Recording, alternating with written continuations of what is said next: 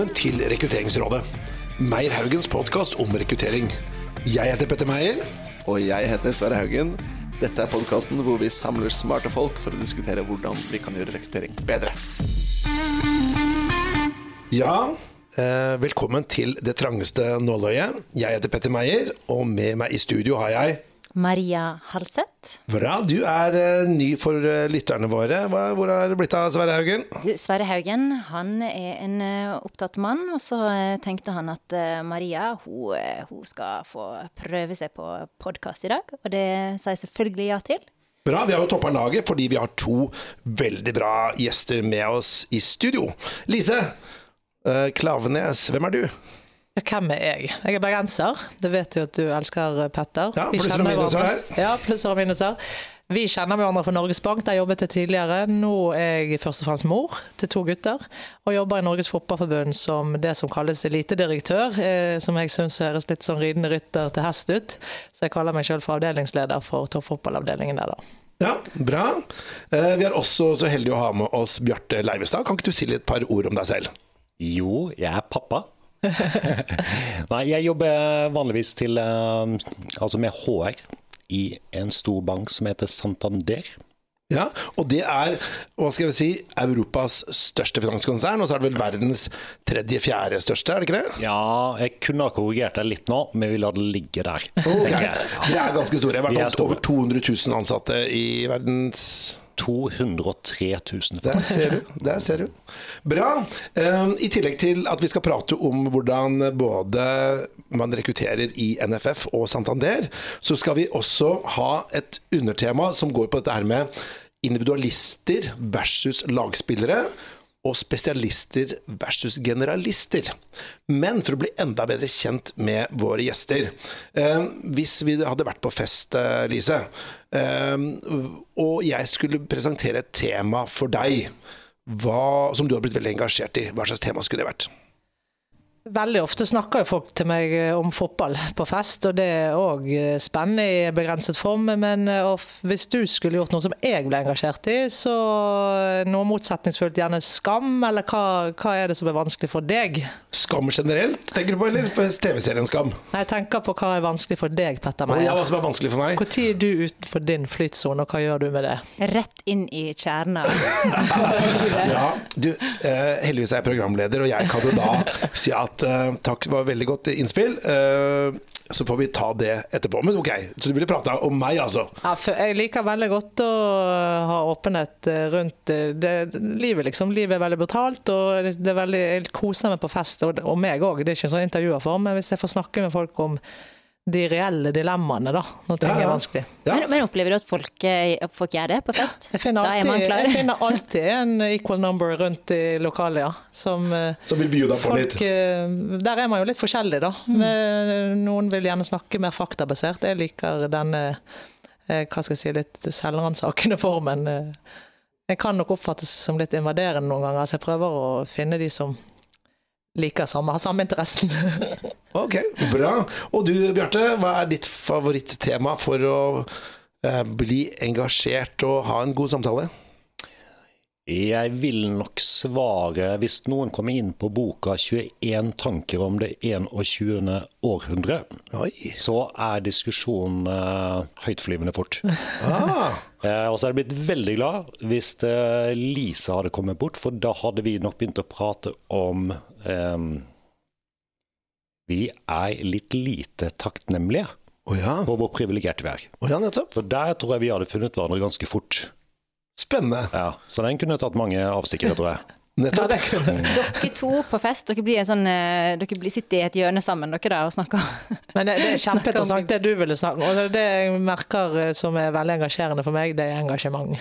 Den, den andre partens engasjement. Så det er mange ting jeg kan eh, snakke om hvis den andre liksom gløder for det. det da er det interessant i seg sjøl. Hvorfor gløder du, liksom? Spennende. Vi håper vi skal få den samme gløden rundt eh, dagens eh, dilemmaer. Eh, Maria, eh, vi har forberedt eh, tre dilemmaer som vanlig til våre eh, gjester. Og så er det jo viktig at dere som lytter da, kan jo tenke litt på disse dilemmaene dere i forhold til hva ble dere svart. Men først skal vi ta dilemmaene, og så skal gjestene våre svare på de på tampen av setningen.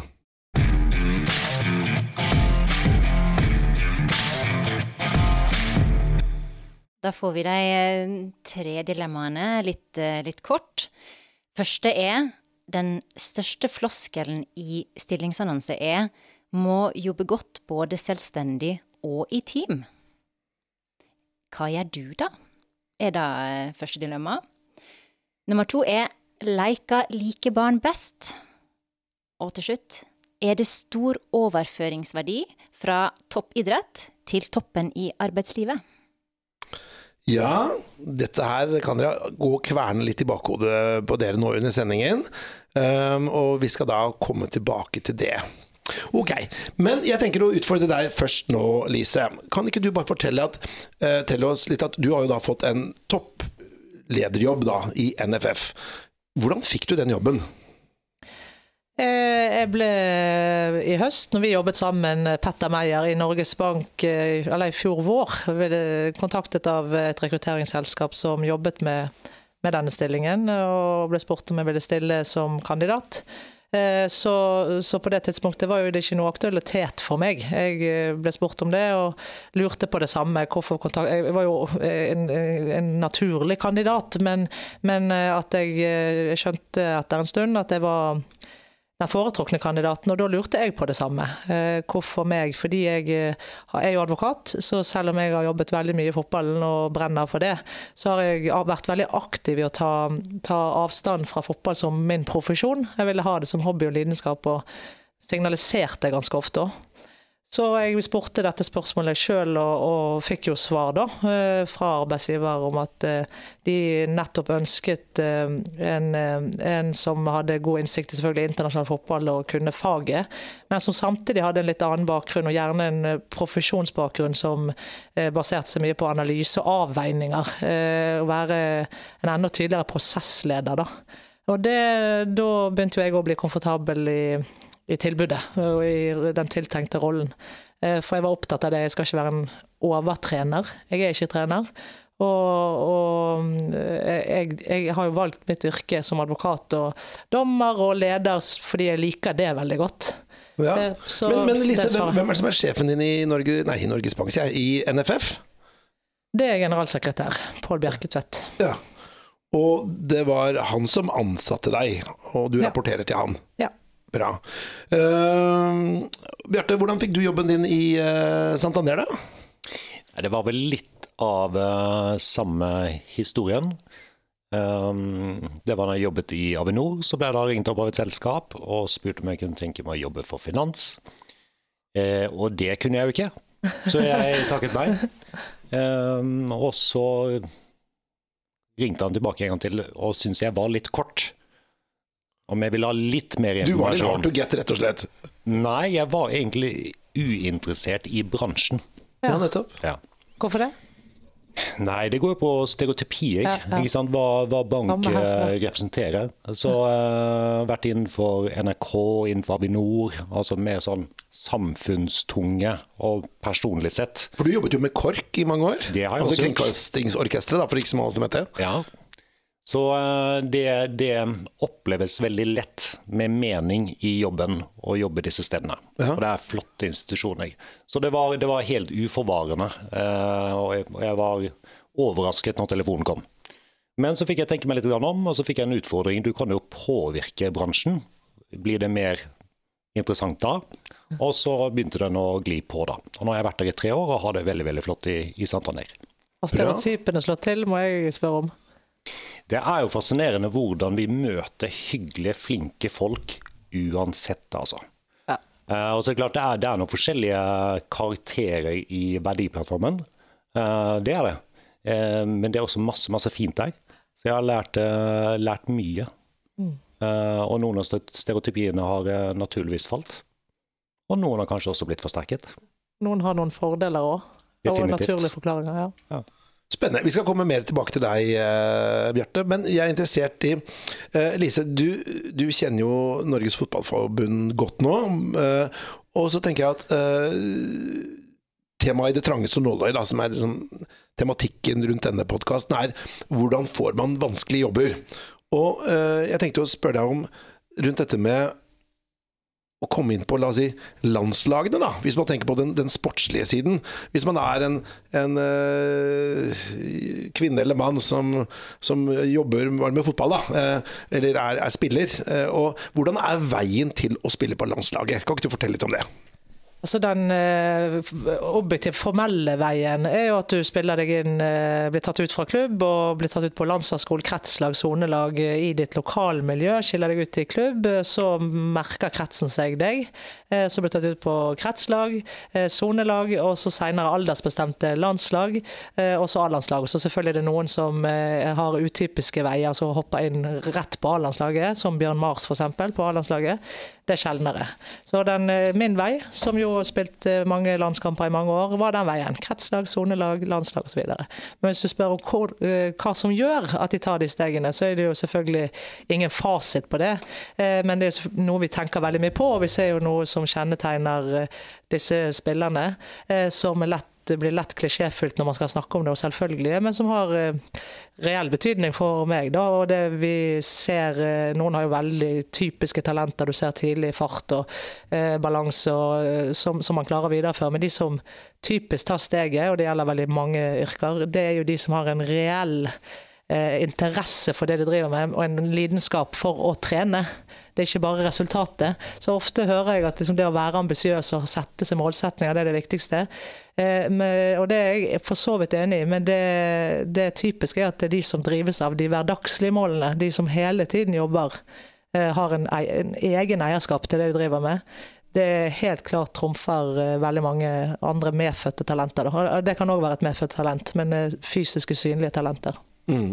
For, for, jeg husker jeg leste en uh, jeg, Jeg leste ikke hele boka den med men det var noe som het 10 000 timer, som kom for noen år siden. Og, og det, tankegangen der at hvis du trener 10 000 timer på noe, da, egentlig hva som helst, så kan du bli veldig god. Uh, og det går og, og, det som er tematikken, er at, at talent er overvurdert.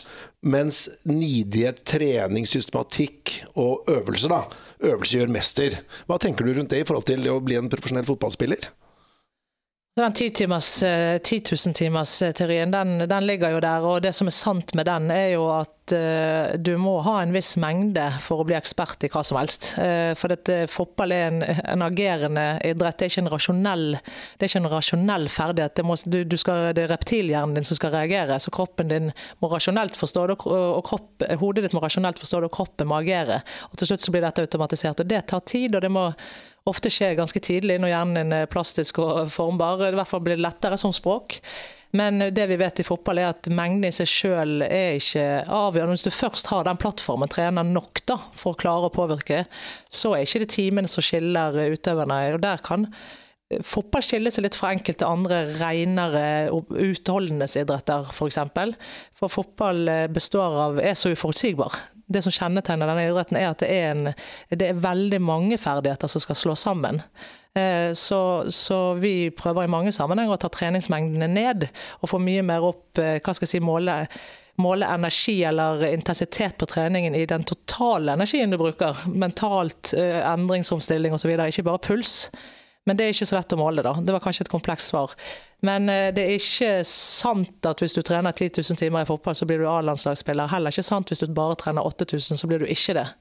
Det er det ikke. Men det er nyttig rettesnor for å fortelle folk at gjør du, gjør du ikke en viss innsats, så blir du aldri eh, god nok i en sånn kompleks ferdighetsidrett. Det, det, det, må en del mengde til. Mm. Men Kan man si at det er noen fellestrekk da, mellom de som lykkes um, som fotballspillere, og de som ikke gjør det? Hva er ja, altså, Det er jo flaks og uflaks og alle disse parameterne. så Det er jo mange som hadde fortjent å lykkes, som har gjort mye riktig, mm. og skader osv. Men, men, så det syns jeg er sånn brutalt å si. Men, men eh, vi, vi, ser helt klart at det, det, det, som er, og det er jo skrevet masse om dette, og doktorgrader osv. Og, så eh, og man ender veldig ofte med det selvfølgelig. Det som kjennetegner de som har blitt aller best, nådd liksom det internasjonale nivået, Eh, det er alltid at de har vært pådriver sjøl. Eh, det er all den treningen de har gjort imellom det organiserte. Mm. Vært pådriver jul, nyttår, holdt det gående. Eh, I forskjellige former. Noen har gjort det med kompiser, vært opptatt, men de har hatt forskjellige kompiser. sånn at de hele tiden lapper sammen en full dag med trening.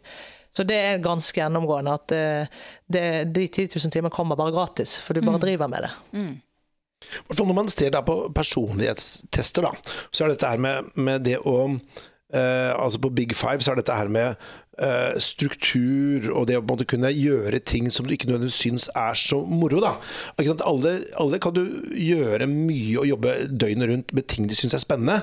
F.eks. gaming eller eller hvis man liksom liker å reise. Liksom, man gjør det hele tiden. Men, men der vi ofte ser at kandidater skiller seg, er jo nettopp det at å gjøre ting du vet er viktig, men som ikke er noe gøy. Ikke sant? Eh, men la oss si det å stå og terpe på, på Løkka liksom i regnvær og komme, komme, først og gå sist. Og, hvordan var du, Lise? Var du en sånn som sto og terpa og, og, og, og liksom var den nidige sliteren, eller var du mer den bohemen som hadde talent å flytte på? Jeg var jo bohem i den forstand at jeg hadde min, helt min egen tilnærming til det, veldig emosjonell inngang til fotball. Jeg hadde jo dreads og insisterte på å gå med mine klær, og så jeg tror mange vil eh, beskrive meg som det, men jeg var helt definitivt eh, eh, Det er ikke talent, mitt fysiske talent som fikk meg opp. Jeg trente mer enn absolutt alle jeg kjenner, selv mine kollegaer landslagsspillere. Så jeg var definitivt en av de som stortrente masse, ja. Og for meg var det en besettelse, og jeg har ikke fasiten, det er min personlige erfaring. men generelt generelt så tror jeg at eh, du, du, sa jo det at man må være flink til å gjøre ting man ikke liker. Og jeg vil eh, nok omforme det litt. Du, du, må liksom like å drives av og, og, og overvinne utfordringer. Mm. Det, det, om det er en besettelse som kommer litt nedenifra, at du jeg skal faen ikke gi meg, eller om det er at du er litt mer sånn konkurranseinnstilt og mm. digger å gjøre det, mm. det er litt forskjellig. Jeg, jeg vil ikke si at jeg, jeg likte likte det. Eh, det var mer sånn jeg, Det skal ikke stå på meg, og jeg skal ikke være så feig at jeg trekker meg fra den testen. Og det var alltid en sånn øvelse for meg. Mm. Jeg er modig nok til dette og sånn. Noen som blir veldig veldig gode. Jeg, jeg har det mer naturlig, mm. men, men, liker det. Liker å tape og liker å teste seg. og det, Jeg skal ikke si at det er kjønnsforskjeller der, men det er i hvert fall kulturelle kjønnsforskjeller der. For Guttelagene vil det, vel det være å teste hverandre og holde det gående, komme litt mer gratis. Men for jenter så er det ofte litt sånn ansvar involvert. Ja. Jeg, jeg, jeg, mm. jeg, har valgt dette, da må jeg gjøre konsekvensene det medbringer. da. Og sånn var jeg veldig. Jeg hadde, nå har jeg bestemt meg for å gjøre dette, og jeg vil beherske alt med ballen. Det var mitt mål. Sånn helt urealistisk mål, selvfølgelig. Jeg vil få til absolutt alt da må, da må, jeg jo trene masse, da. Meg og ballen skal bli ett, liksom. Ja. Eh, hva tenker Bjarte, eh, du har jo mye erfaring fra arbeidsliv ja, og rekruttering. Men, men, men, bare før du begynner der, for jeg ble ja. så jeg har satt og tenkt litt. Ja, så ja. det er godt gjort. Det knaket der borte. Ja, det knaket der borte. For, um, du nevnte dette med Jeg tror jeg hørte det på fotball. Jeg er jo lidenskapelig Tottenham-fan, da. Så endelig så skjer det noe. Ja, jeg vet, jeg vet. Takk skal du ha, Petter. Um, men så var det en kommentar som falt i forhold til Ajax når de spilte. Og jeg tror det var Johan Cruyff som hadde sagt at fotball er en sport for hodet, og så henger beina på. Mm. Altså Apropos det som du nevnte i forhold til um, altså kognitiv kapasitet da, når mm, du er på banen. Ja. Um, jeg vet ikke helt hvor dette går hen, men dette er en podkast, så vi kan jo ta en avstikker. Men vi har jobbet masse med hjerneforskning inn mot ledelse i forbindelse med et lederprogram som vi har hatt gående.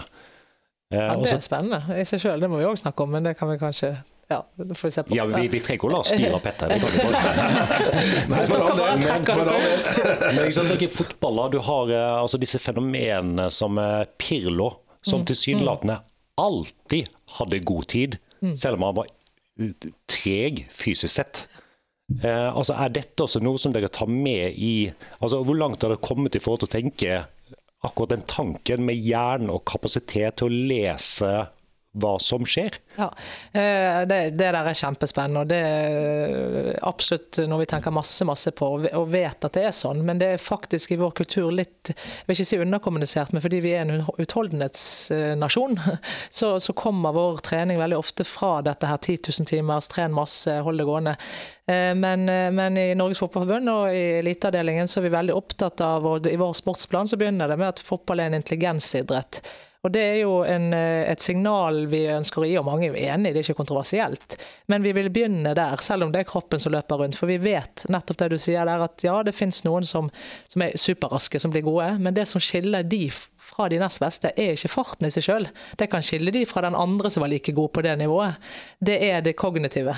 Eh, og, og, men selve forskningen rundt det har vært vanskelig og er ganske i begynnerstadiet. Men det har vært noen svenske studier som viser bl.a. at eh, de gjorde noen studier på Iniesta. Eh, ja, nå glemmer jeg farten hvem det var, men virkelig store spillere. Eh, og gjorde kognitive tester. Type sånn skal gå uh, virtuelt og gå over en vei og kartlegge hvor mange farlige biler som kommer, og hva farger de har osv. Og, så videre, og hvordan du skal komme deg over osv. Eh, jeg, jeg kan ikke innholdet, men jeg har lest studien. Og, og, hvordan de gjør det på de testene der, som er veldig veldig langt over eh, gjennomsnittet i befolkningen. Disse var jo glitrende spillere da. Men da ser man jo at eh, de, det er veldig nærliggende å tenke at det er dette som gjør de til virtuoser i sin idrett. Eh, og så er jo neste spørsmål er det trenbart eller medfødt, mm. eh, og hva gjør vi med det. Mm. Men vi, vi, jobber jo ut fra at, og til en viss grad er jo det trenbart selvfølgelig. Men på det nivået de var på, mm. Eh, så er du litt over i det geniale, da. Men det er klart, det er vi veldig opptatt av, ja. Men hvis jeg skal da eh, Hvis vi tenker overføringsverdien da, fra fotball eh, og idrett mm. til hva skal vi si, rekruttering i arbeidslivet, da, offentlig og privat sektor. Bjarte, hva, hva, vil du si er på en måte overføringsverdien i forhold til det vi har pratet om nå? da? Hva kan en som sitter som rekrutterings ansvarlig eller en leder som skal rekruttere eh, uansett bedrift. Da. Hva, hva kan de lære av, av toppidrett? da? Og det er masse å lære av, eh, av toppidrett. Um, når vi prater om fotball her, så tenker jeg at eh, basiskompetanse Hva en fotballspiller for å lykkes må ha av basiskompetanse i 2019, er noe helt annet enn under Drillo. Og det samme gjelder selvfølgelig for næringslivet. Uh, vi på innenfor bank, så uh, i gamle dager så var basiskompetanse det å, å kunne verdikjeden innenfor bank. Uh, når det gjaldt praktiske verktøy, så var vi veldig stolte når vi kunne Office-pakka, uten å holdes, høres altfor gammel ut. Mens nå er jo basiskompetanse mye mer altså user experience. Det var arbeidsformer hvor du inviterer inn partner og kunder til, til tjenesteutvikling, mer enn å tenke produkt. Uh, cybersecurity er noe som alle må kunne noe om. Data management. Så vi skifter jo basiskompetanse, og den er i liten grad veldig varig. Så hele tanken om kompetanse er jo i total endring. Uh, og det tenker jeg også innenfor, uh, innenfor toppidrett og fotball. Det, det, er alltid en twist som gjør at den kanskje innenfor utholdenhetsidretter så er utholdenhet er noe utholdenhet. Det må du bygge over, over mange år. Men innenfor mer tekniske uh, toppidretter da, så ser vi hele tiden at det kommer noe nytt som vipper det gamle banen. Så det å henge med. Men uh, Bjarte, kan ikke du bare fortelle meg litt i, i Santander, da. Hvordan jobber dere med rekruttering? Hvordan jobber dere med å få tak i flinke folk i et kandidat stramt marked i forhold til alle de spennende posisjonene dere har? Vi bruker uh, mye nettverksrekruttering. Um, det å gå ut i markedet med um, den litt sånn forslitte måten å gjøre det på, det, det fungerer ikke. Uh, du er helt avhengig av å ha interne ambassadører som kan bekrefte overfor disse kandidatene at dette er et bra sted å være med de faglige utfordringene som, som man har et bilde av. Og Hvis ikke man får de bekreftelsene internt, så får du ikke tak i dem. Det er jo et uttrykk som heter at If you take care of the inside, the inside will take care of the outside. Så det er der du må starte prosessen, da. Ja, og det, det har vi vært gjennom mange år nå med, med employer branding som, som begrep. Mm. Uh, og det er fortsatt mange som tenker det som en ekstern aktivitet ute i markedet. Men du er nødt til å starte internt. Hvis ikke du har den interne plattformen på plass, så hjelper det ikke med ekstern aktivitet. Mm. Maria, hva tenker du? Nei, jeg er helt enig. Man hører jo employer branding er jo blitt litt sånn utvanna begrep, uh, føler jeg. Uh, og veldig ofte så snakker man det, om det i ekstern sammenheng. Det handler om, å, om merkevarebygging ut mot potensielle ansatte.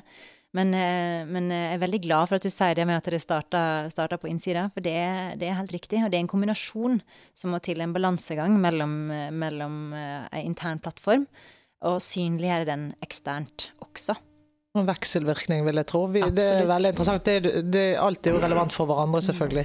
Og det er jo noe vi tenker mye på i, i fotball nå. Dette med hva skal jeg si, promotere landslaget. Vi ønsker jo folk på kampene, sant? og vi ønsker jo nasjonalfølelse, landslagsbegeistring. Vi vet jo at berettigelsen vi har, er å begeistre det norske folket. Det er jo egentlig det som er bestillingen, og å inspirere barn, eh, på en måte. Eh, det, det, er jo i hvert fall min verdiplattform. Det er derfor vi kan bruke så mye tid på det, og penger på det. Eh, og, men samtidig så er jeg blitt veldig opptatt av etter jeg begynte i Norges Fotballforbund, at når vi driver med det, når vi lager ja, bannere og skal lage supporteropplevelser for folk på Ullevål og lage kampanjer, at vi gjør det like mye og bør tenke sånn for våre egne spillere. Selvfølgelig òg for ansatte. Men det som er, vi vet, er jo at det er veldig viktig for spillerne å føle seg som, som en del av noe større. Og ergo for publikum, for du vil jo ha spillere som eh, vinner kampen. Eh, sånn at når de trekker på seg trøyen, så trekker de på seg noe mye mer, da. Mm. Som, som jo er landslagets visjon og oppdrag.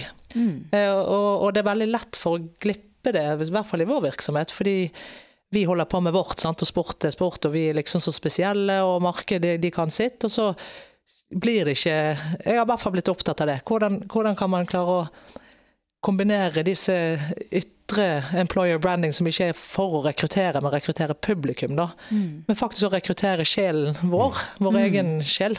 Mm. Skape den interne begeistringen uh, internt. Ja, og, og, ansvaret, en god ansvar, ikke bare press, mm. men den gode ansvarsfølelsen av den frykten du har før du skal ut på en landskamp. Ja. At det er verdt det. For det, du gjør det for Det høres banalt ut, men du må liksom dit. da. Du gjør det for Norge, du gjør det for unger, du gjør det for Mm. Eh, skal du liksom ta det presset som ligger på å representere landslaget, ja, både på herre- og kvinnesiden, mm. Eh, for fallhøyden er veldig stor, så er det opplever i hvert fall jeg, og jeg tror mange er enig med meg, et, et, en veldig viktig plattform å stå på. Det er verdt denne, Dette fallskjermhoppet er verdt det, uansett hvordan det går. For jeg gjør det for, for det som vi skal formidle, da. Forankra visjon, da, som er, som er ganske ja. like egentlig både eksternt og internt? B bør er, være, mm. ja. Men det, det, det, det, er ikke noe enkelt, og vi får ikke alltid det til og sånn. Og det kommer mm. noe naturlig. Vi er heldige, vi er Norge.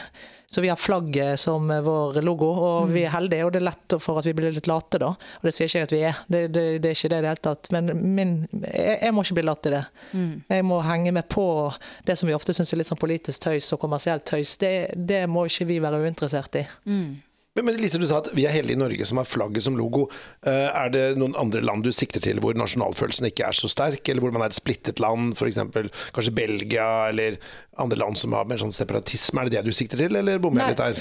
Ja, da bommer du litt på det jeg mente. For jeg mener vi er heldige eh, Eller vi, noe kommer gratis til oss eh, i forhold til f.eks. For Santander, som må jobbe i konkurranse med andre banker som kunne ta den ja, posisjonen i morgen. Ja. Så vår logo er jo eh, den kan jo, Nasjonalfølelsen kan jo være dårlig i landet, men, men, de fleste knytter seg jo til landet sitt. Mm. Så bare det at vi er Norge gir oss jo en veldig sånn berettigelse. Vi har jo et monopol, rett og slett. Et, et, et, et sympatisk monopol. Men når det er sagt, så i Norge Norge så mener jeg vi har mye å gå på.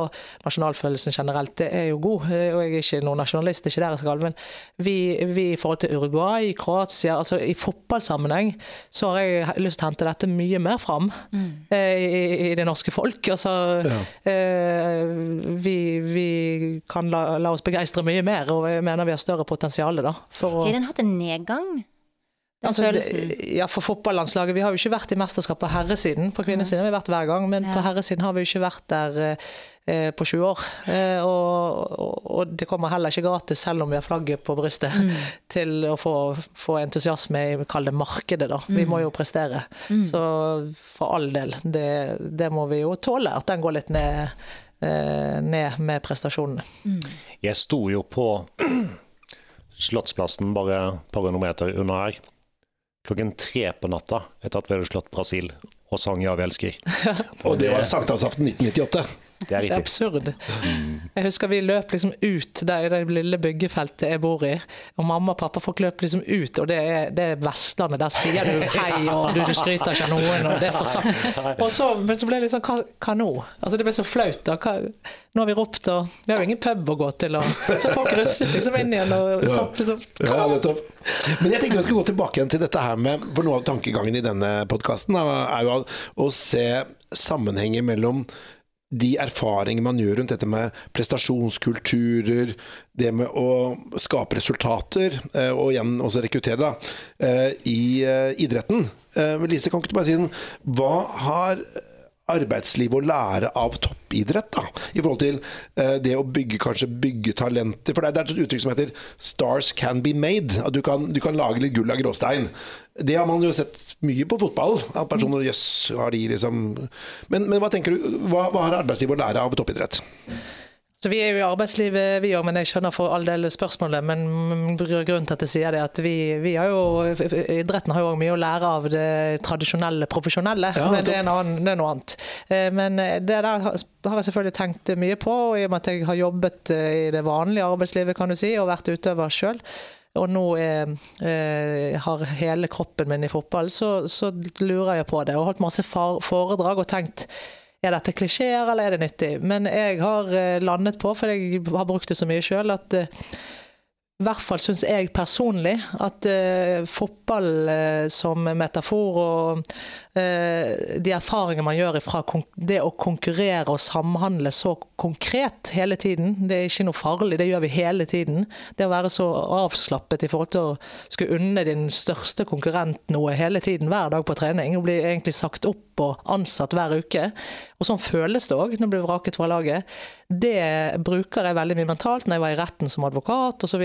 Den, den følelsen der, få fatt i ballen og eh, så, så, jeg vil si at den største læringen, eh, hvis man skal prøve å overføre noe, er jo at hvis man er i en konkurranseutsatt bransje, som jo de fleste er i, så er det jo, er det jo klare å få til det hva heter det, meriotokrati.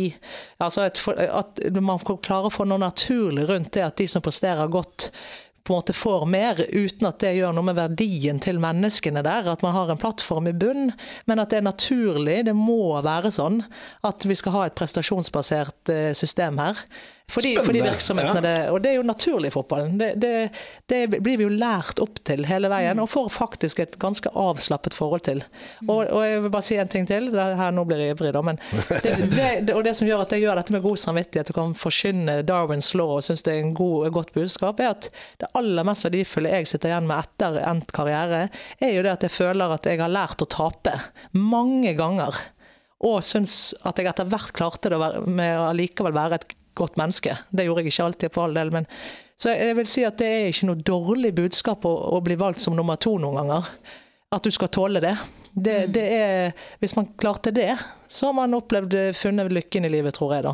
Så, men det er nå litt sånn min måte å prøve å finne mening i en røff verden, da. Men det, det, det, er nok den der konkrete konkurransen som, med de du skal samhandle med, som dere egentlig driver med hele tiden, dere òg. Eller alle bransjer som er mye mer naturlig for oss. Du blir rett og slett valgt. Du blir veid og funnet for lett. Ofte. Hva tenker du, Bjarte? Her var det mange ja. spennende ting å ta tak i. Ja, det var, det, var, det var, et lass av ting å ta tak i. Um, og jeg er jo jeg er helt enig med, med, Lise i mye av det hun sier i forhold til overføringsverdi. Å sitte og tenke på innovasjon, sitte og tenke mens du prater. Um, I hvilken grad greier vi å få Nei, jeg må begynne på et annet sted. Altså, Næringslivet i dag, vi, eh, vi løper litt fortere hver dag. Vi jakter på marginskvisen hver dag. Og så tenker jeg på et eller annet tidspunkt så er det ikke, er det ikke mulig å løpe så veldig mye fortere. Eh, og marginene er nå det de er. Og eh, er den gamle måten å jobbe på litt oppbrukt? Jeg har vært gjennom en fase med altså, performance management som begrep. og Nå har heldigvis det begynt å, å, å dø litt ut, som ligger nettopp i dette med å rate medarbeidere internt. Ikke sant? Litt sånn, Har du fått denne ratingen, så er det bedre enn en sidemann ja, som bare fikk denne ratingen. Ja, ja. ikke sant? Uh, og så, så, så, lurer jeg på hva er det som skaper best mulig forutsetning for innovasjon? Mm. Det lurer jeg på. Mm. Og jeg er usikker på om den måten, arbeidsmetodikken vår, som vi har hatt fram til nå, nødvendigvis utløser det. For i denne skvisen så er det det vi sitter igjen med som, som et potensielt konkurranseelement, da, eller det som er ditt fortrinn. Og er det da konkurransen, eller er det en annen måte å connecte på internt ja. som tillater det? Ja, det, det, bare, det, det synes jeg, nå, på, nå skjønner jeg hvor du er henne, og det er jeg veldig, veldig enig i. Eh, så jeg er litt på det individuelle planen. Det jeg sa i sted, det mener jeg er utrolig Sånn bruker jeg toppidrettserfaringene mine i livets brutale verden. Eh, det gjør deg robust, eller det gjør en oversettelse til noe du kan lande når du ikke lykkes med ting. Men det som er det viktigste Jeg vet, ikke om arbeidslivet har noe å lære fra idretten her, men det vi vet funker i idretten, eller i vår idrett, eh, over tid, er kun hvis du har en sterk lagfølelse. Det er ikke å reite den enkelte spilleren, men, men vi, vi, det naturlige hierarkiet vil finne ut hvem som er best, og vi holder jo på med det hele tiden. Så du må, du må ha det. Du må ha folk som strekker seg over hverandre. Konkurransen, det er jo vår idrett. Men, men det virkelige X-faktoren er jo de lagene som har en lagfølelse som òg strekker seg gjennom generasjoner. Det ser vi jo på Du nevnte Ajax i sted. Det, det, det, er jo maskineri som har gått over år. Og ja, det er masse penger der og sånn, men det, det er jo en identitet og en lagfølelse som uh, blir selvfølgelig en kultur òg. Men det, er ingen tvil om at uh, plattformen uh, for at det skal gå opp i en høyere enhet, da, er, er ikke å reite én og én og dyrke enkeltmennesket, nei. Heller ikke hos oss. Absolutt ikke. Har et annet landslag som er verdt å nevne da, i denne sammenhengen, det er det Marit Breivik metodisk gjorde med håndballandslaget. Um, I forhold til å trene laget på å ta beslutninger på banen selv. Mm. Uh, og som brukte uh, trenings, um, treningsaktiviteten til, til akkurat det. Bruker dere noe av det samme også i forhold til fotballen? Mm. Altså det å ansvarliggjøre de som er på banen til å ta beslutning? Ja, ja. definitivt. Altså for det I fotball, i motsetning til håndball, vil jeg si, så har dette Jeg sier ikke vi har gjort det bra, Marit gjorde en fantastisk jobb der, men har, dette har vært på en måte en selvfølge for oss. For vi klarer ikke å coache fra sidelinjen sånn som håndball kan. Mm. Så det til alle tider så har fotballspillere løst dette sjøl, dårlig mm. eller bra. Mm. Vi klarer ikke å påvirke kampen på den måten. For det første, ja, det er mange grunner til. Og vi har få bytter, og det er ikke noen sånn forsvarsspiller og angrepsspiller. Det er laget som vinner og taper kampen. Så er det treneren som legger opplegget før, og i pausen kan du påvirke litt. Men vi vet at er, du kan sette ganske mange trenere på underveis i kamp uten at gode eller dårlige, som, uansett om det påvirker laget eller ikke. Så, så definitivt. Så, men det er jo hva gjør vi da for at de beslutningene skal bli gode? Når skal laget oppfatte at det er bakrom? Når skal laget oppfatte at nå går vi i høyt press? For det er for sagt at én oppfatter det. Altså Det kan bare være tidels sekund som gjør at vi får stor strekk i laget. Det skjer jo hele tiden, det er jo ingen dramatikk i det. Men når du ser nå i Premier League, hvor systematisk og samhandling det er blitt, den utviklingen som har vært der, ikke på det individuelle plan, eller den er jo det i begynnelsen, men det som nå du ser, i det nivået man ser ute, er jo ekstreme kollektiv. Det er jo kollektivet som nå Du klarer ikke det. Messi skiller seg jo da, men, men ellers er det jo ekstremt eh, stor grad av systematikk som foregår på det øverste nivået internasjonalt. Hvordan jobber dere på fotballbanen med at laget aksepterer at det gjøres feil på banen? Og konteksten min er innovasjon uten å akseptere feil, umulig. Mm, mm. Så hvordan jobber dere med det? Ja, det er et kjempegodt spørsmål igjen. Eh, og, og, jeg vil svare til det at indirekte jobber jo folk med dette hele tiden, for det ligger liksom i oss. Men jeg syns vi har fått lite bevisst forhold til nettopp den siden. Altså trenerne våre, da, og ikke nødvendigvis hos meg, de har det. men men eh, vi, vi, tenker litt for lite på hva er det som funker og ikke funker der. Det bare skjer. for du, du alle trenere er opptatt av å skape den tryggheten. Vi vet at du må være trygg nok til å takle dette prestasjonskravet til å gjøre gode valg. Men, men, og det har vi som tema i det som vi kaller Klubb Norge, som er vårt fagforum. Hva, hva, hva, er, hva, er, vår menneskemodell? Hva er det som er mest effektivt der? Ja, så må vi jo tilpasse det individuelt, men hva er, liksom, hva er det som funker? Mm. Eh, for det, det, du må egentlig ha en ekstrem grad av trygghet og før har det vært en kutyme i fotball fra engelsk fotball at det skal være veldig tøft. Inngangen er at du må nesten liksom bare å komme inn i garderoben skal koste mye. Men nå er, hos oss i hvert fall, så er jo vi vet, sånn er det jo bare. Du må tåle mye. Men inngangen vår er tvert imot at hva skal vi gjøre for å gjøre disse spillerne tryggest mulig, fortest mulig. Det blir endelig tøft nok, for du skal jo ut og konkurrere mot England, Tyskland, hva som helst. Og de unge. Eh, og agenter, og særlig på guttesiden. Så, så, mens for, for, å svare på spørsmålet hva gjør vi? Vi gjør mange ulike ting. Eh, og vi har nettopp hatt dette oppe, faktisk. Eh, og da er det jo møteinnramming. Første gang du møter spilleren, ringer du på forhånd? Altså det er så konkret, da. Mm. Ringer du på forhånd sånn at de har fått en relasjon til deg? Hvordan skal de få de til å være deg sjøl? Eh, da er jo foreløpig konklusjonen at trenerne må, de må gi spilleren anledning til å bli kjent med treneren. Han må eksponere, han og hun. Vi har bare én kvinnelig trener nå, dessverre. Må eksponere seg sjøl litt først, osv. osv. Mange grep, da. Det er veld, veldig veldig interessant, uh, interessant uh, diskusjon, interessant tema. Og det får meg til å tenke på en hypotese um, angående dette her med å være individualist versus, uh, versus en teamplayer. da. Um, og det er en hypotese som er slik at en, en, um, en spesialist er ofte en individualist, og en generalist er ofte en teamplayer. Hva tenker dere om den hypotesen i den sammenhengen her som vi snakker om?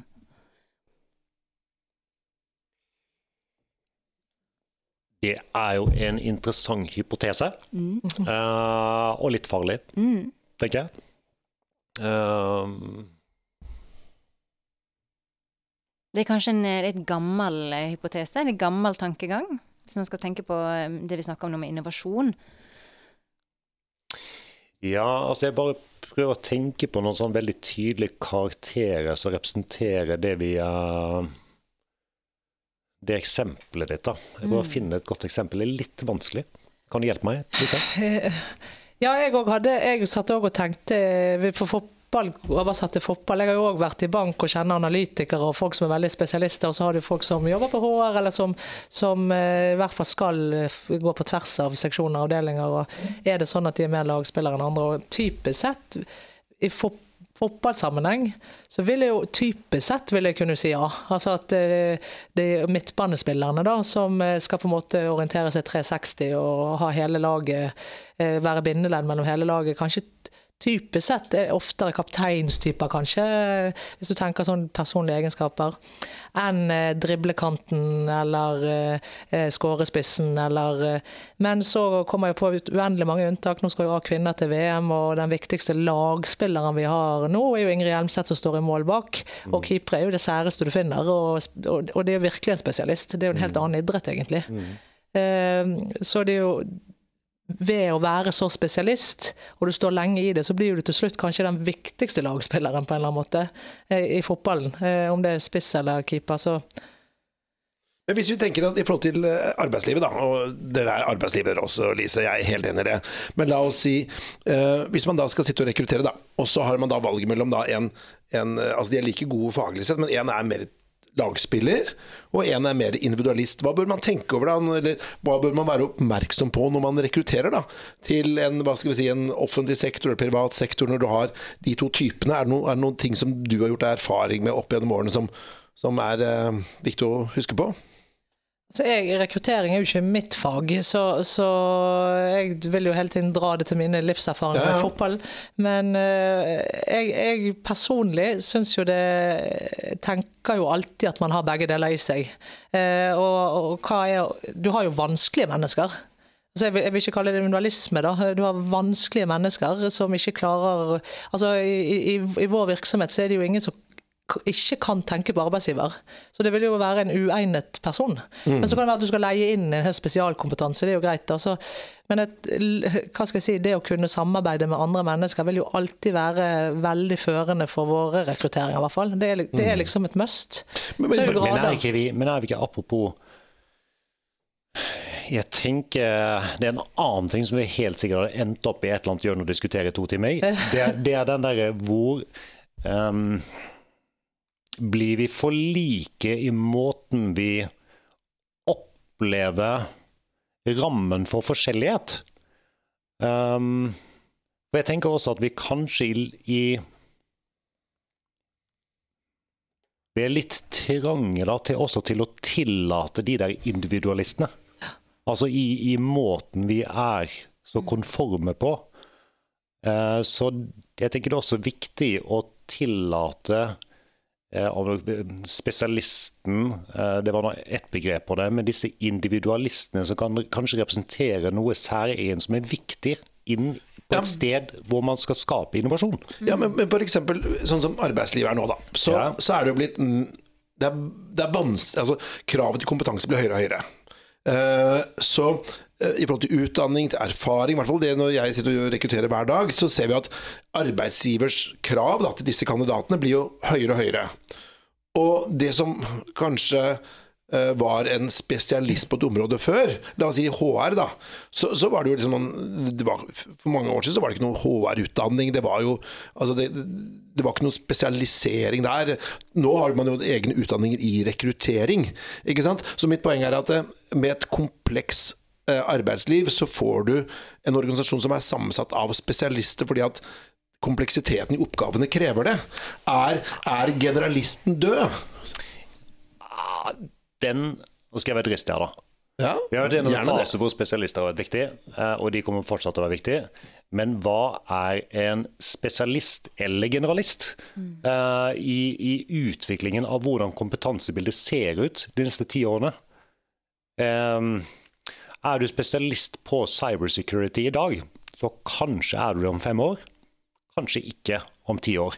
Er du en eh, generalist, hva inneholder generalistbegrepet? Betyr det at du kan flere fagområder, eller går det med på egenskaper til å greie å jobbe agilt?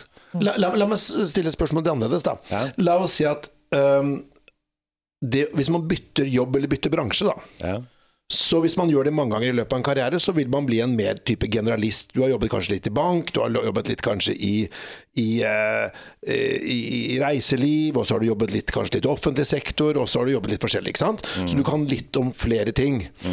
Versus en person som f.eks. har jobbet innen la oss si, idretts idrettsfag, da, vært trener hele livet, jobbet med cybersecurity hele livet, jobbet med rekruttering hele livet. Så hvis du har hatt ett yrke hele livet, så vil du da kanskje i større grad være en spesialist, og kanskje trenger du det for å nå de kravene som settes. Mens en generalist som hopper som vi i hvert fall sier litt i, i eh, rekrutteringen, at du hopper fra bransje til bransje, vil bli liksom jack of all trades, master of none. Jo, men utgangspunktet ditt var em, hvem skal du rekruttere, Ja. Bør man være oppmerksom på det? definitivt oppmerksom på det, men da, må jeg tenke, da tenker jeg at man må se på den kompetansebeholdningen man har internt. Jeg tror selskaper hvor du har en, en høy ansiennitet internt, kan komme i trøbbel, for du har for få referansepunkter i forhold til den virkeligheten som er utenfor. Og den rammer oss alle veldig veldig fort om dagen. Så du må ha en blanding av både de som bærer med seg eh, historie, kultur, kunnskapen om hvorfor dette selskapet er som det er. Men så må du også ha de som kommer utenfra, som representerer det andre. Ja. Og Hvis ikke du kan kombinere det, så tror jeg du er i trøbbel begge veier. Bra.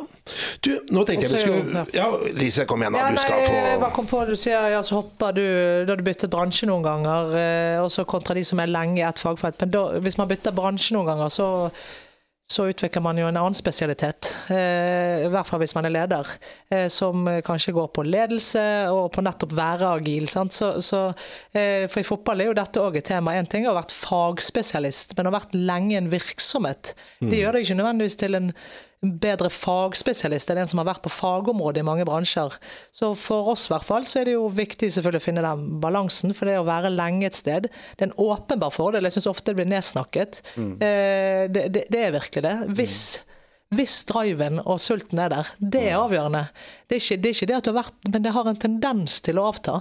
Hadde ikke den tendensen kommet det, er så det behagelige overtar, da, dessverre. Og det er sikkert ikke føles ikke behagelig. Men, men hadde, hadde den sulten vært der, så, så er de utrolig verdifulle. Og jeg er så heldig at jeg i eliteavdelingen har noen som har vært veldig lenge. Som er de som liksom jobber hardest, endringsvillig. Koster litt akkurat i overgangen til endringen, men de først er der, så er det en sånn vanvittig lojalitet. Og jeg vet at lojaliteten ligger til arbeidsgiver, ikke prestisje. Og da blir jeg helt sånn euforisk, da.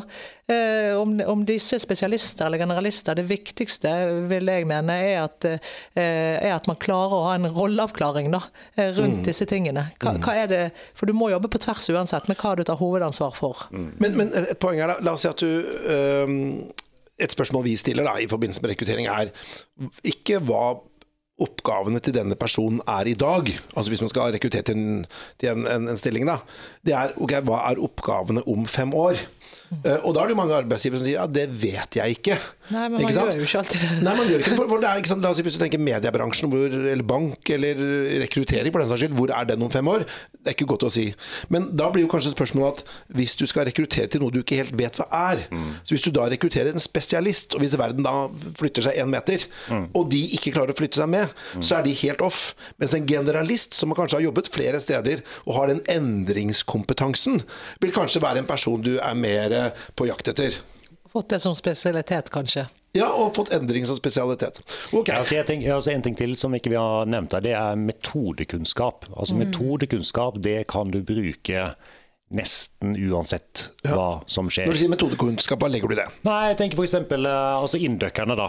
Eh, og jeg skal innrømme, jeg er veldig glad i inndøkkere. Uh, fordi de, Hva er en inndøk? Det er ikke alle som heter det. Eh, jeg, jeg håper det fortsatt heter det, ja, for å Ja. starte der. Men eh, vi har jo hatt industriell økonomi eh, som faglinje oppe på NTNU. Nå har vi også fått det på Universitetet i Ås, vet jeg. Kanskje har det kommet flere steder. Og det er jo de som typisk er i grensesnittet mellom teknologi og industriell økonomi.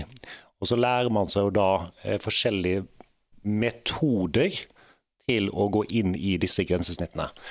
Og den metodekunnskapen den er anvendbar uansett hva som skjer kortsiktig i forhold til eh, skifter. da.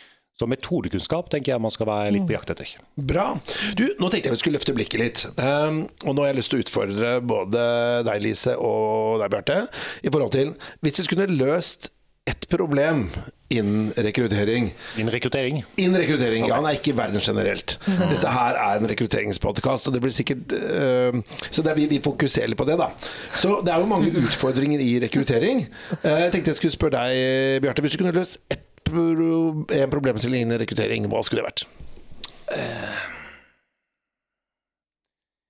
Det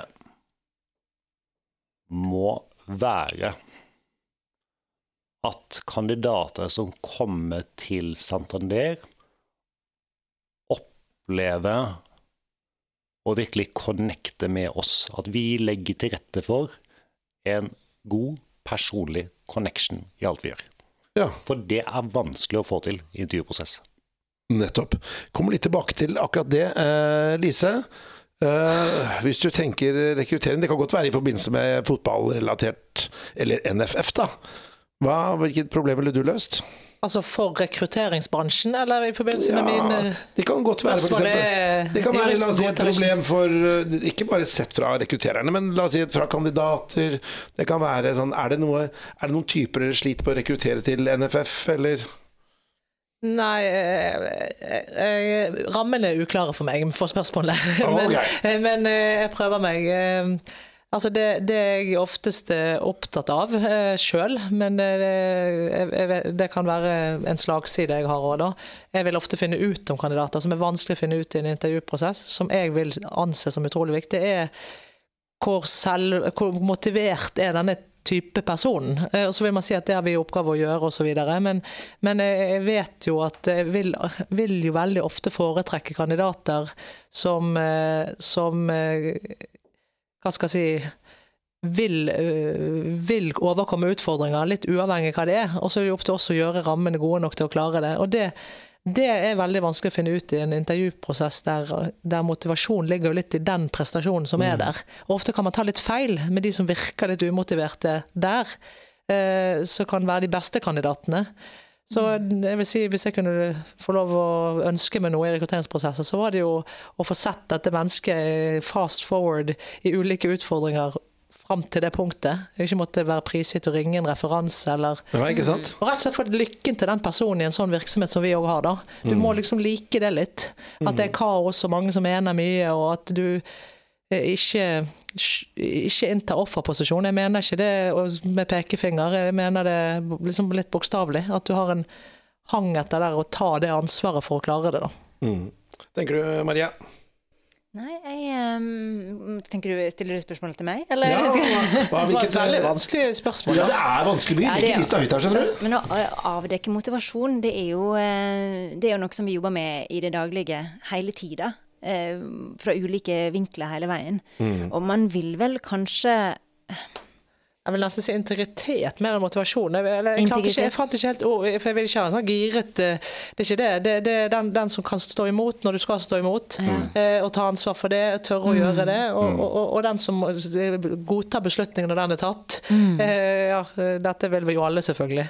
Men eh, det er en sånn integritet-slash-motivasjon jeg sikter til. Er det lov å ombestemme seg litt?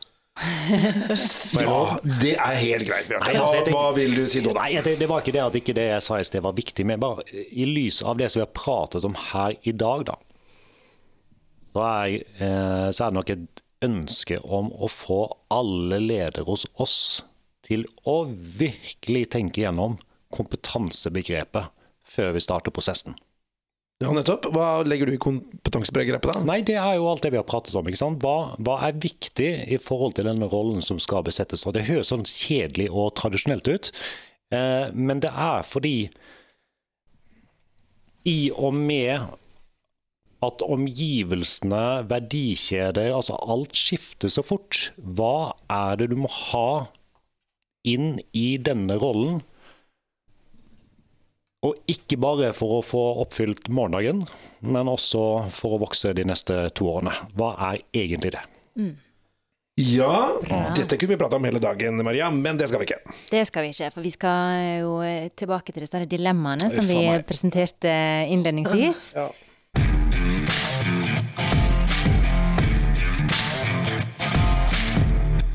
Da hopper vi rett inn i det første, som var største, en av de største flosklene i stillingsannonser. Vi har alle, vi har alle sett denne floskelen. Og det er at eh, du må kunne jobbe godt både selvstendig og i team. Og da er jo spørsmålet hva er du, Lise? Hvordan kan du identifisere deg med den, eh, Ja. den påstanden?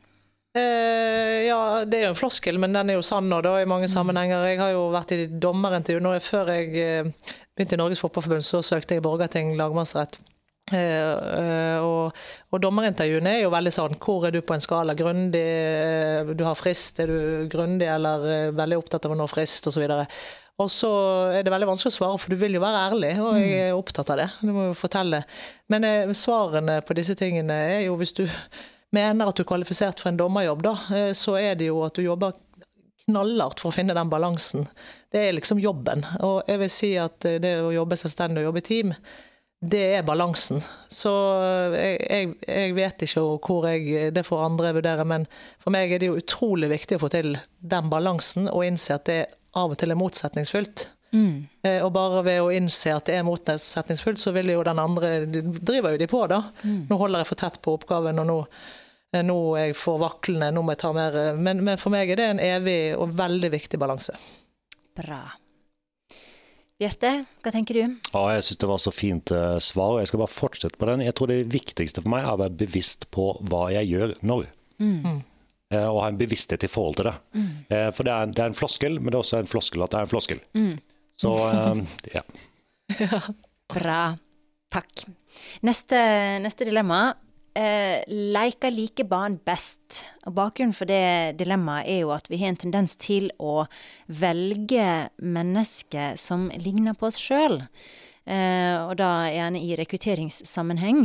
Både som rekrutterer, hvis det er en kandidat som har, som har lik bakgrunn som meg sjøl, så er jeg jo mer tilforlatelig, dessverre, som, eh, som et menneske. Og tillegger den personen gode egenskaper. Speiler den personen, da. Eh, men, men stemmer det at like barn leker best? Her er det ja eller nei. Det er dilemma, det er ikke utdyping, altså. Jo, jo, jo. Mm, Det er etterpå. Først like, leker like barn best, ja eller nei? ja. Eh, nei, det vil man jo av og til føle at de gjør. Men så, Nei, du, skulle, du fikk ikke lov til å si noe mer. nei like barn leker ikke best. Ja, ja. De vinner ikke mest, i hvert fall. Bra, kan du utdype det, Bjarte? Em, ulike barn leker med høyere risiko og med høyere gevinstpotensial. Det var egentlig det jeg prøvde å stike inn. Det var godt sagt. Uh, og i den verden En liten high five på Ja. den. Ja. Det, det er definitivt det som er oppsummeringen. Jeg stiller meg bak den. Bra. Eh, så vi var jo innom eh, Tredje dilemma er jo noe som vi for så vidt har vært- litt innom når vi snakker om, om dette med overføringsverdi fra idrett til, til arbeidslivet. Em, men vi har lyst til å spisse det litt mer og, og, og, og spørre om det er stor overføringsverdi fra toppidrett til toppen i arbeidslivet. Ja eller nei? ja, soleklart. Mm. Bra. Vil dere utdype litt mer? Jeg kan begynne. Ja, eh, vi har jo vært litt inne på det. Jeg vil jo tenke at eh, toppidrett og hva skal jeg si, topprestasjoner i arbeidslivet for øvrig, de, de vil jo per natur mm. ha masse likheter. Mm. Og det er jo litt det samme man holder på med hvis man skal tenke metode, da. Så det er jo derfor idretter snakker på tvers òg. Vi har jo masse å lære av hverandre. Så den største forskjellen ofte, sånn som jeg opplever det, er jo det fysiske. Men prosessen er jo like. Men, men i idretten så er jo det Du får skader i kroppen din, det er veldig viktig å ikke bli forkjølet. Altså, vi, vi har masse sånt som er liksom litt mer irrelevant, men det fysiske er jo viktig for alle. Mm. Ellers er det jo veldig mye som er veldig overførbart, og der jeg mener toppidretten ikke nødvendigvis gjør det bra, men har jo destillert metoder for, uh, for å Språk, f.eks. For, for å kategorisere og, og sikre utvikling for vi som landslag, f.eks. Det vi driver med, er å konkurrere med andre. Det du driver med, er jo òg å være i konkurranse med andre, men din kjernevirksomhet er jo noe annet. Du skal til, det er noe behov du skal svare i markedet. Men vi leverer egentlig bare konkurranse. Så vi skal jo være spissere enn arbeidslivet. Mm. Vi, må, vi, skal jo det. Vi, vi, skal bare konkurrere. Så det blir en sånn motsatt inngang, for vi må sikre at vi ved det òg er profesjonelle. Mm. Og så kommer man kanskje litt fra andre siden i andre bransjer. Da. Men vi har jo eh, eh, Og vi har jo eh, Sånn som NRK og Olympiatoppen har jo samarbeidet i flere år. Så De gjør metodekunnskapen mm. for toppidretten som er dratt rett inn i programvirksomheten og programutviklingen i NRK. Mm. Så, og så tenker jeg også i forhold til det vi så vidt var innom tidligere. Altså hjerneforskning, mental trening. Altså det å være toppleder i dag, det krever så usannsynlig mye. Eh, så det å være bevisst på hvordan man tar vare på seg selv, ikke bare fysisk, den har vi en, vært gjennom en lang runde på. Mm. Uh, og Birken og Hjerteflimmer har, uh, har, har, smakt på det. Men også den mentale biten av det. Altså det å sørge for at man greier å bruke tid på de riktige tingene. Mm. Altså ha fokus, og sørge for at man har energi til yes. å greie å løse de oppgavene som, som kreves. Uh, det tror jeg er den nye bølgen som kommer nå. Ja. Ja. og der er vi masse å lære av, av toppidrett. Å bevare selvtillit. Mm. Men, øh, og igjen øh, Nå skal vi snart gå inn for landing, men jeg har bare lyst til å stille et siste spørsmål her. Ja, dette var så ikke... gøy, Petter. Må vi slutte nå? Ja, jeg vil heller komme tilbake til en senere podkast. Ja, okay. Men jeg tenker, siste spørsmål sånn, og Jeg har ikke sitter ikke på noen statistikk på det, men hvis overføringsverdien er så stor fra toppidrett til topp i arbeidslivet, mm. også hvis man da skal nevne da uh, tidligere toppidrettsutøvere som er på toppen i norsk næringsliv eller arbeidsliv, da. Hvor mange kommer dere på da, hvis overføringsverdien er så stor? Eh, mange mennesker vi kommer på.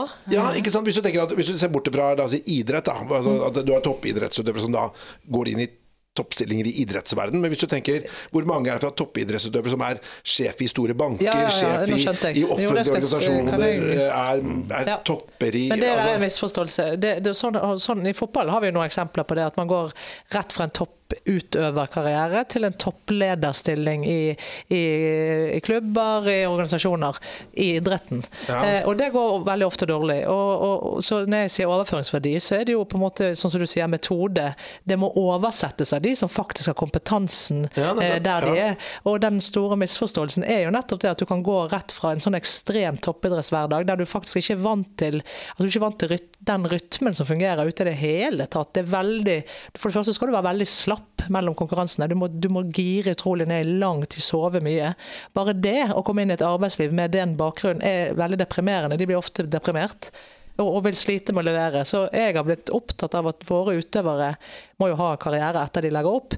Og, og, og en ting i den siden, vi har vært opptatt av hvordan skal vi få brukt den åpenbare kompetansen du har fått gjennom toppidrettskarrieren din eh, seinere. Jo, da må jo du faktisk òg lære deg masse altså, om, om, organisasjonslivet, om økonomi, om altså Det er jo så enormt mye.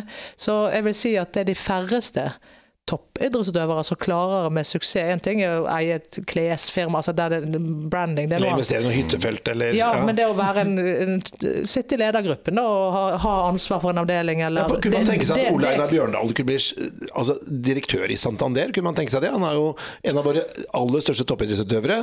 Har han, liksom, den, har han nok til å overta den plassen? Han, altså, med dypeste respekt og så mye glede jeg har hatt. Men eh, svaret er nok nei på det. Og så er det, noe, det er jo noe annet enn å være eh, verdens beste på å lede seg selv eh, og et team rundt seg for å være best. Nettopp, ja. Eh, og det å lede organisasjoner med en annen type kompleksitet. eh, ja. Bra. Men du, da tenker jeg vi skulle gå inn for landinget. Eh, tusen hjertelig takk til deg, eh, Lise. Veldig glad er med i studio. Bjarte Leivestad, veldig glad med deg også. Tusen takk. Og Maria, Ja, første gang eh, på podkast her i Maurhaugen for deg også. ja. Jeg syns det har gått kjempebra. ja det syns jeg òg. Er det noe du har lyst til å si som avsluttende ord? Er bare at jeg håper Sverre er borte neste gang òg. Ja. Hold flere kurs, Sverre, så Og vi må finne den samtalekroken. Ja, Ja, ja. Kjempefint. Men du, da ønsker jeg lykke til videre med både toppidrett og eh, bankvesen. Litt samme, bortsett fra til joggeturene dine. Det ønsker jeg. Det trenger jeg i hvert fall masse lykke til på. Ok, ha det bra. Tusen takk.